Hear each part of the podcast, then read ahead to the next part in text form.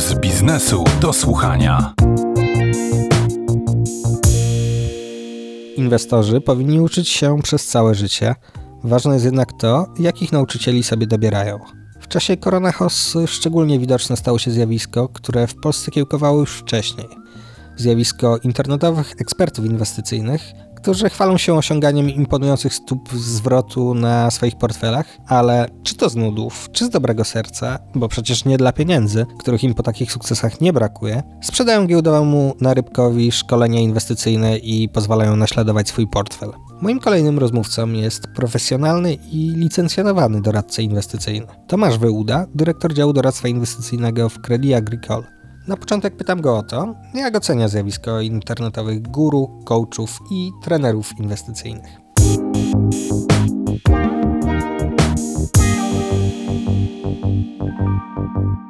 Ja ogólnie bardzo pozytywnie podchodzę do działalności edukacyjnej. Jest e, w internecie wiele materiałów, które można dostać za darmo. Można pogłębić swoją wiedzę z zakresu instrumentów e, finansowych.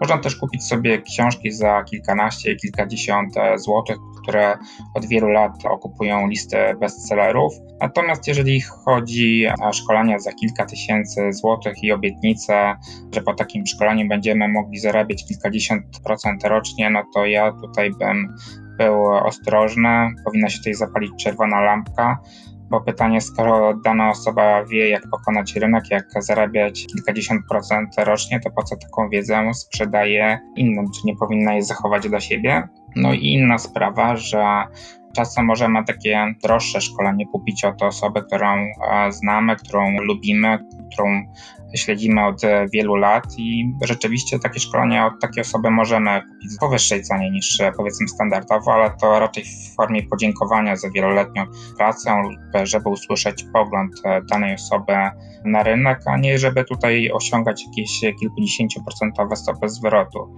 Więc jeżeli ktoś nam obiecuje kilkadziesiąt procent rocznie albo bezpieczne zyski, to ja bym tutaj był bardzo uważny. No tak, czyli nikt nas nie nauczy inwestowania tak, jak my sami się nauczymy własnymi próbami i błędami, rozumiem? A, dokładnie tak. Najlepiej metodą prób i błędów i ciągłego pogłębiania wiedzy. Na pewno nie powinniśmy wchodzić całym kapitałem w, w inwestycje. Powinniśmy no, roztropnie pogłębiać swoją wiedzę z zakresu inwestycji.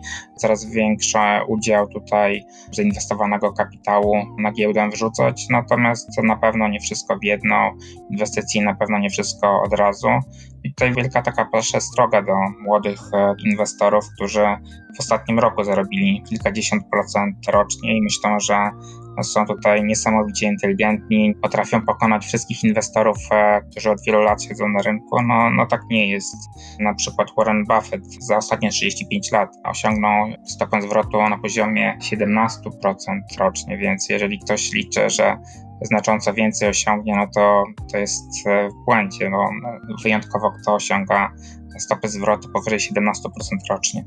No ale właśnie ten ostatni rok był dość wyjątkowy, przynajmniej na warszawskiej giełdzie, no bo mieliśmy sporo spółek z nawet kilkucyfrowymi stopami zwrotu, no i to były spółki właśnie, które albo robiły coś przydatnego w czasie pandemii, jak Mercator robiący rękawiczki, albo jak e, spółki chociażby z New Connect zapowiadały, że będą prowadzić taką działalność i tak kurs rósł. No ja jestem ciekaw, czy pan w takim okresie w ogóle przejmuje się analizą fundamentów biznesowych spółek, czy jak mamy taką gorączkę i, i hossę związaną z, z wyjątkowym wydarzeniem, no to mm, trzeba, mówiąc wprost, szanować pompkę i, i grać na tych spółkach, które rosną. No, zdecydowanie warto tutaj robić analizę fundamentalną, no ale z drugiej strony to jest ciekawe e, pytanie, czy w takich okresach warto pogłębiać jeszcze tą analizę fundamentalną, czy jednak odpuścić, pozwolić sobie wycofać się na chwilę z rynku i pozwolić inwestorom, którzy weszli na giełdę, trochę na niej namieszać i dopiero później zobaczyć, jak te wyceny się zmieniły i jednak tutaj na nowo te spółki wycenić, zobaczyć, które potem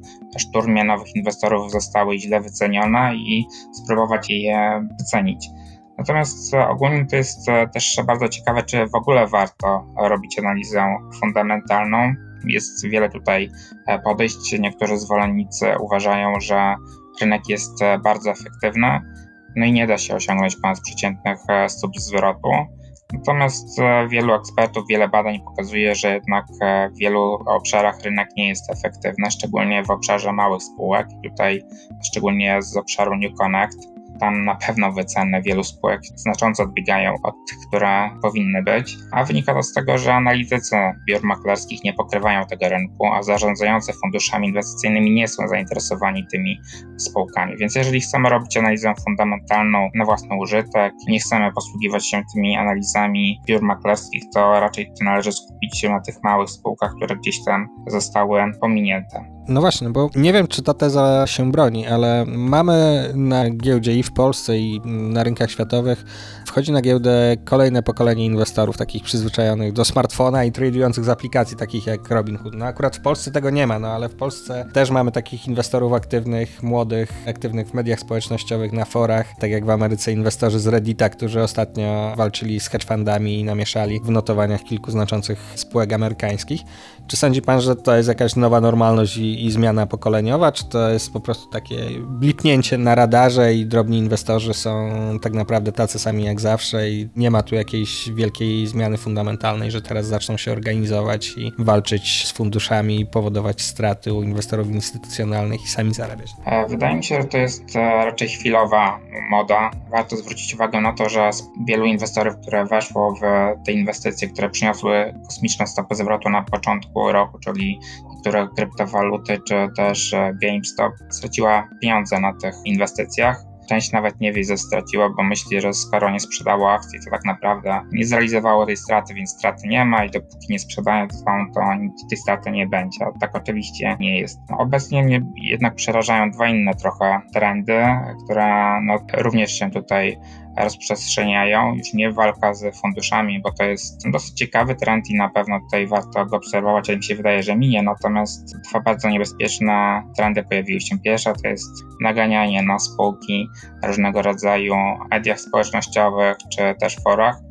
Wcześniej takie naganianie koncentrowało się właściwie w jednym z forów w Polsce, Natomiast obecnie... Na forum bankiera, mówmy wprost. Forum bankiera z naszej grupy kapitałowej, bo nie Biznes Polska, miejsce, gdzie naganiaczy po prostu nie brakowało i 10 lat temu. No zgadza się, tutaj już nie chciałem wymieniać, ale skoro podał, to rzeczywiście to, to jest ciekawy trend, że ci naganiacze przenieśli się na inne tutaj media społecznościowe. Raczej bym wolał, żeby zostali na tym forum bankiera i tam swoje analizy i pomysły realizowali.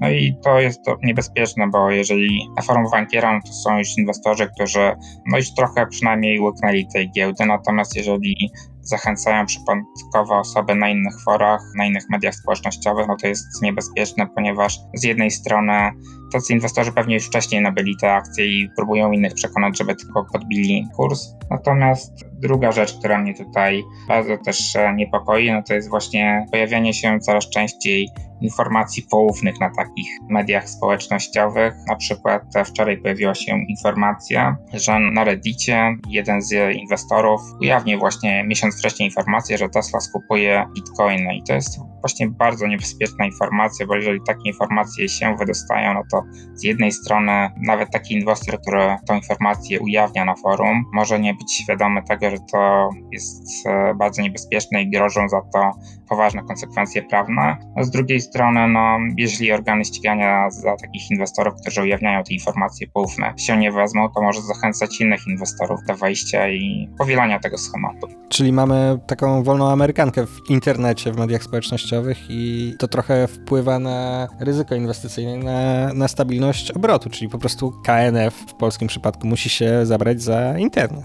Z jednej strony no, pojawił się już taki mem chyba w przeszłości, policja proszę przyjechać na internet, natomiast no, nie sądzę, żeby coś takiego robić całościowo, tylko żeby na tych bardziej systemowych przypadkach się skupić, tak że jeżeli jakaś już powiedzmy grupa inwestorów cały czas gdzieś tam ujawnia te informacje poufne, gdzieś te informacje wyciekają wcześniej, co widać po kursach spółek, że najpierw gdzieś ta informacja się gdzieś pojawi na forum, a dopiero później widać to w odzwierciedleniu w cenach, a następnie jest publiczna informacja. No to tak nie powinno być i takie akurat przypadki powinny być ścigane. Bardzo dziękuję za rozmowę. Moim gościem był Tomasz Wołuda, dyrektor działu doradztwa inwestycyjnego w Credit Agricole. Dziękuję bardzo.